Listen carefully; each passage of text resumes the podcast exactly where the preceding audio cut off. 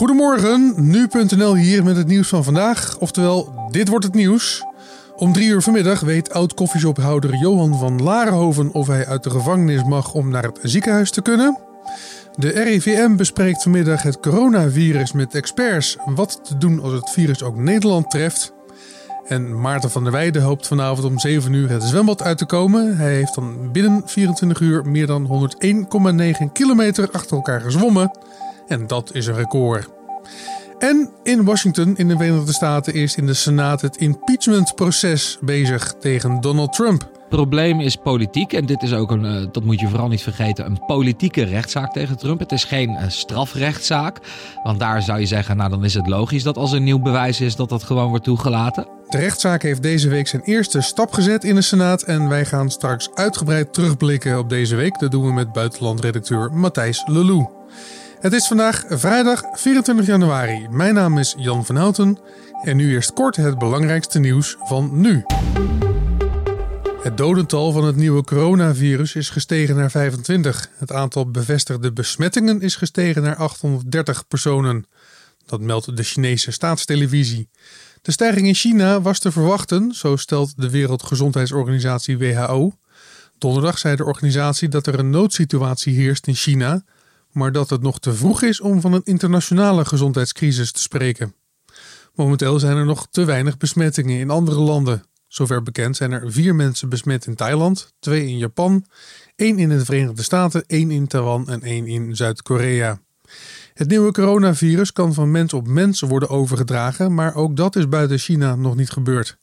Slechts een kwart van de besmette personen heeft heftige symptomen de meeste dodelijke slachtoffers hadden ook andere gezondheidsproblemen. De Nederlandse spoorwegen hebben per ongeluk de maandelijkse betaling van klanten met een NS Flex abonnement twee keer afgeschreven. 23.000 klanten zijn getroffen. Ze hebben daarover inmiddels allemaal bericht gehad. De NS noemt het een vervelende administratieve fout. Het kan een paar dagen duren voordat het ten onrechte afgeschreven bedrag weer is teruggeboekt. En de Doomsday klok is gisteren verzet. Het was 2 minuten voor 12, oftewel 120 seconden. Nu is het 100 seconden voor 12. Nog nooit stond deze klok zo dicht bij middernacht.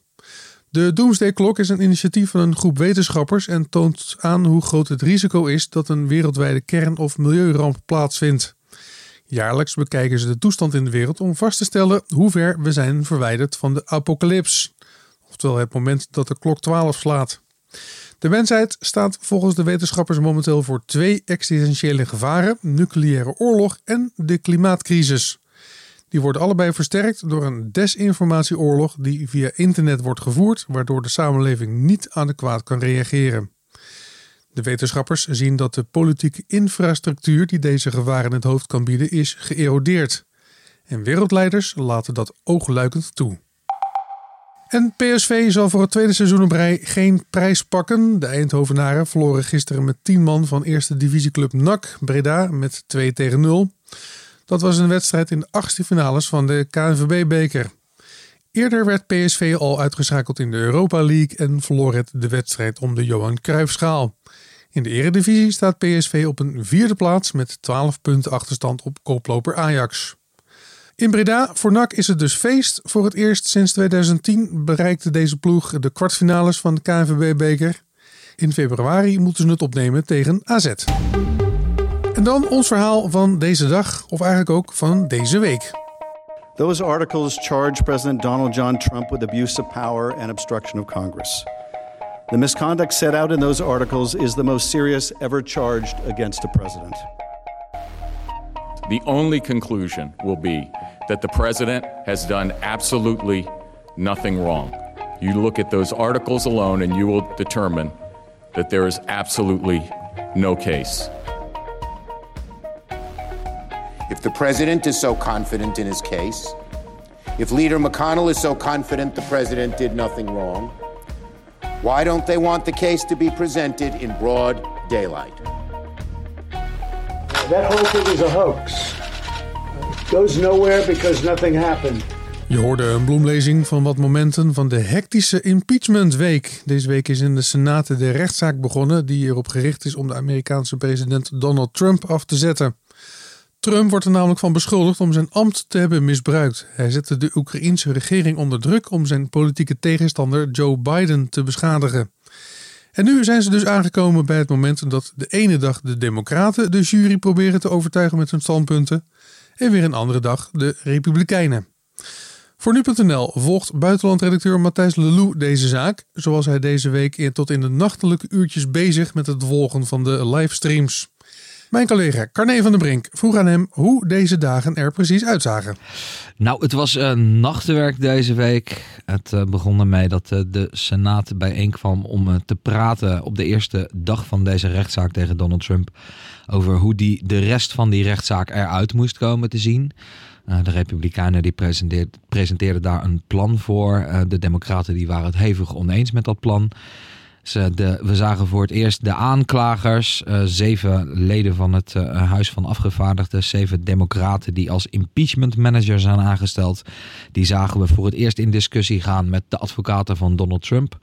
Dat werd een hele felle discussie. Dat werd een discussie die ook zo persoonlijk werd dat uh, voorzitter John Roberts moest ingrijpen en beide partijen moest vertellen dat het best wel een, een tandje minder kon. Um, ja, dat, uh, het, het, was, het was een vol weekje. Het was niet een heel verrassend weekje. Maar uh, we moesten er toch uh, natuurlijk uh, wel naar kijken. Ja, want voor de mensen die het misschien een beetje hebben gemist of door de bomen het bos niet meer zien, want het is best veel. waar zijn we op dit moment in het proces? Op dit moment zetten de aanklagers hun zaak tegen Trump uiteen. Daar hebben ze drie dagen voor gekregen. Nou ja, ik moet het eigenlijk zo zeggen. Ze hebben 24 uur gekregen en die 24 uur die moeten worden verspreid over drie dagen. Dus dan hadden we het over woensdag, donderdag en vandaag.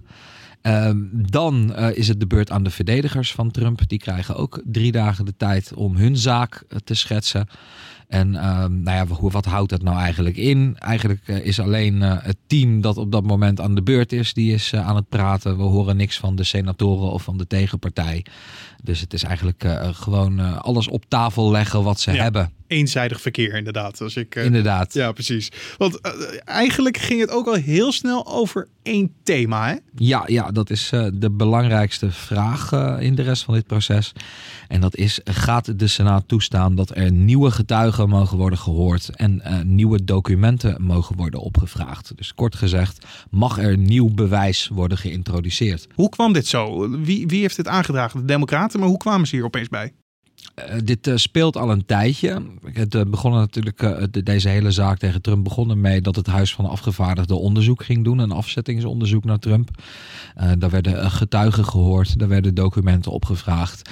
Maar het Witte Huis weigerde elke vorm van medewerking. Trump die zei ook tegen getuigen of tegen potentiële getuigen: ik wil niet dat jullie daar verschijnen.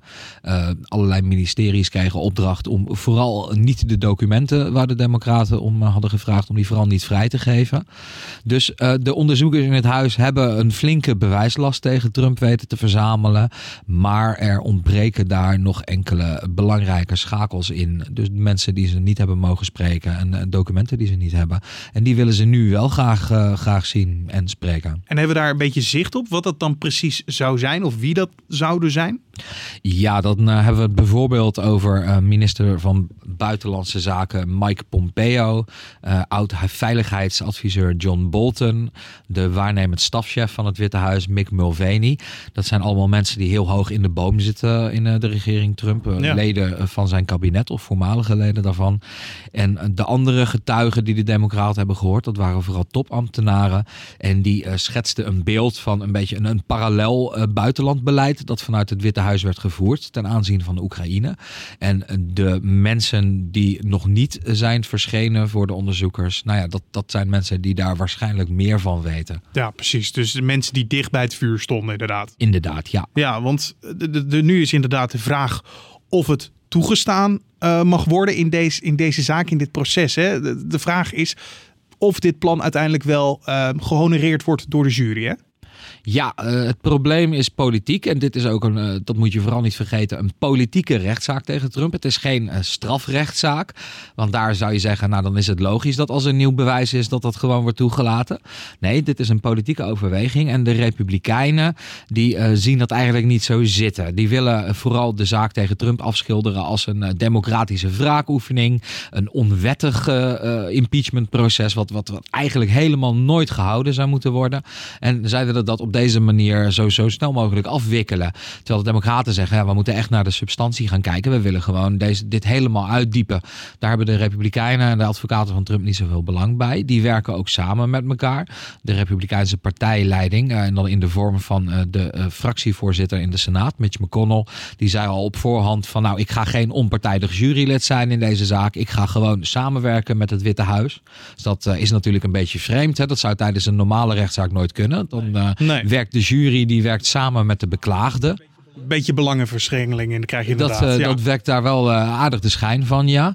Uh, McConnell die kwam ook met regels voor deze rechtszaak dinsdag op de eerste dag. En die regels die, nou ja, die willigen toch wel aardig de eisen in van de verdediging van Trump. Dus die speelde Trump best wel in de hand.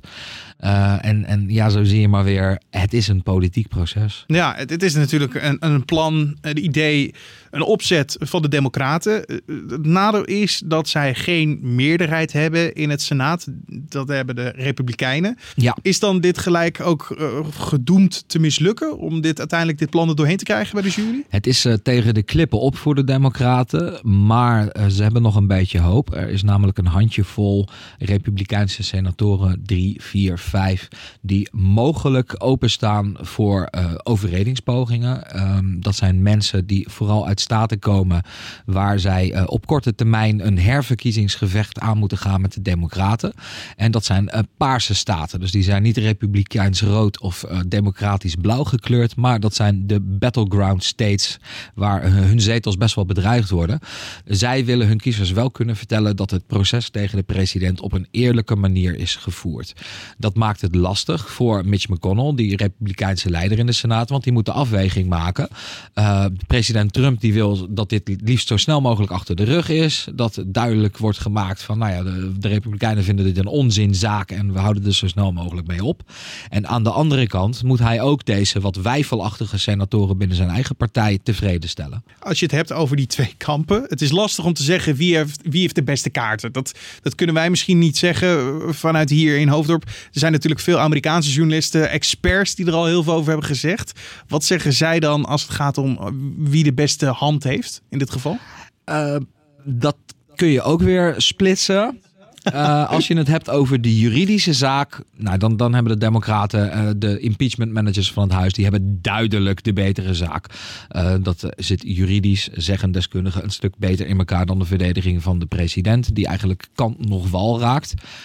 Als je het hebt over de politieke verhoudingen. Nou, je zei het net zelf al. De Republikeinen hebben een, een comfortabele meerderheid in de Senaat. Dus zolang zij ervoor zorgen dat, dat die vier Republikeinse senatoren die uh, mogelijk door de Democraten te overreden zijn, dat dat niet gebeurt, ja, dan uh, is eigenlijk de conclusie van deze rechtszaak al wel uh, vastgesteld. En wanneer horen wij dan of er nieuwe documenten en nieuwe getuigen mogen worden toegevoegd aan deze zaak? Nou, vandaag hebben de Democraten nog de tijd om hun zaak tegen Trump om dat af te maken, die, die uiteenzetting daarvan. Dan gaan zaterdag, maandag en dinsdag gaan de advocaten van Trump aan de slag. Vervolgens Vervolgens krijgen de senatoren 16 uur de tijd om vragen te stellen aan uh, beide partijen. Dus dat zal dan waarschijnlijk op woensdag en donderdag zijn. En uh, dan, zoals het zich nu laat aanzien, zal er vrijdag worden besloten over het horen van nieuwe getuigen. Je hoorde buitenlandredacteur Matthijs Lelou in gesprek met mijn gewaardeerde collega Carne van der Brink. En dan verder in het nieuws. Om drie uur vanmiddag hoort oud-koffieshophouder Johan van Laarhoven of hij tijdelijk wordt vrijgelaten, zodat hij naar het ziekenhuis kan. Van Laarhoven zat sinds 2014 vast in Thailand vanwege witwassen. Hij is vorige week in Nederland teruggekeerd, waar hij de rest van zijn straf moet uitzitten. Mede door de slechte omstandigheden in zijn Thaise cel heeft hij volgens zijn advocaat nu meer dan 10 medische klachten zoals een drukkende pijn op zijn borst, ontstoken galblaas, vergroeiing aan zijn voeten en schurft. Zijn advocaten hebben een kort geding aangespannen in de hoop dat hij tijdelijk wordt vrijgelaten om aan zijn herstel te beginnen. Nederlandse virusexperts komen vandaag op verzoek van het RIVM bij elkaar om te praten over het nieuwe coronavirus. Het RIVM, dat is het Rijksinstituut voor Volksgezondheid en Milieu. Ze vormen samen met de experts het zogeheten Outbreak Management Team. Dit team adviseert het ministerie van Volksgezondheid over wat de overheid moet doen als de uitbraak ook Nederland zou treffen. En ze gaan praten of er misschien nu al wat maatregelen genomen moeten worden. En oud-profzwemmer Maarten van der Weijden volbrengt vanavond zijn 24 uur zwemtocht voor het goede doel. Sinds gisteravond even na zevenen trekt hij baantjes van 25 meter om geld in te zamelen voor onderzoek naar kanker.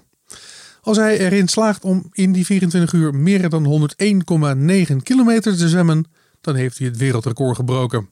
Hij probeerde het in 2017 ook al, maar bleef toen steken op slechts 99,5 kilometer. Hup Maarten.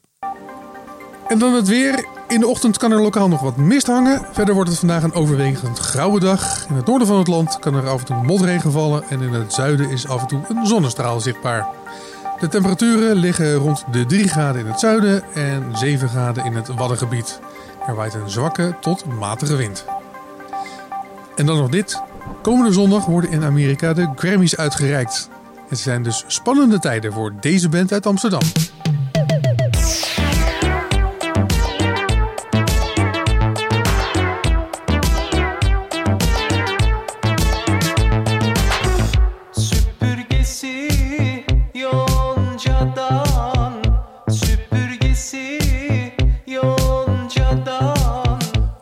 Gun komt uit Amsterdam, speelt eigentijdse versies van Turkse psychedelische folkrock uit de jaren 60 en 70. Hun tweede album Getje is genomineerd voor een Grammy in de categorie Beste Wereldmuziek. En het gaat goed met de bands in Amerika. Altin Gun mocht een paar keer het voorprogramma doen van de band Tame Impala. En ze staan deze zomer op het wereldberoemde Coachella Festival. En vanaf zondag dus wellicht ook een Grammy in huis. En met dit vrolijke nieuws stuur ik je het weekend in. Dit was de ochtendpodcast van nu.nl. Heb je tips of feedback? Mail ons dan naar podcast.nu.nl. Dat adres kan je ook gebruiken voor vragen over de Brexit, die over precies een week zal plaatsvinden. Volgende week vrijdag proberen we dan in deze podcast al je vragen te beantwoorden. Mijn naam is Jan van Houten. Wat mij betreft nog een fijne dag, een fijn weekend en graag tot maandag.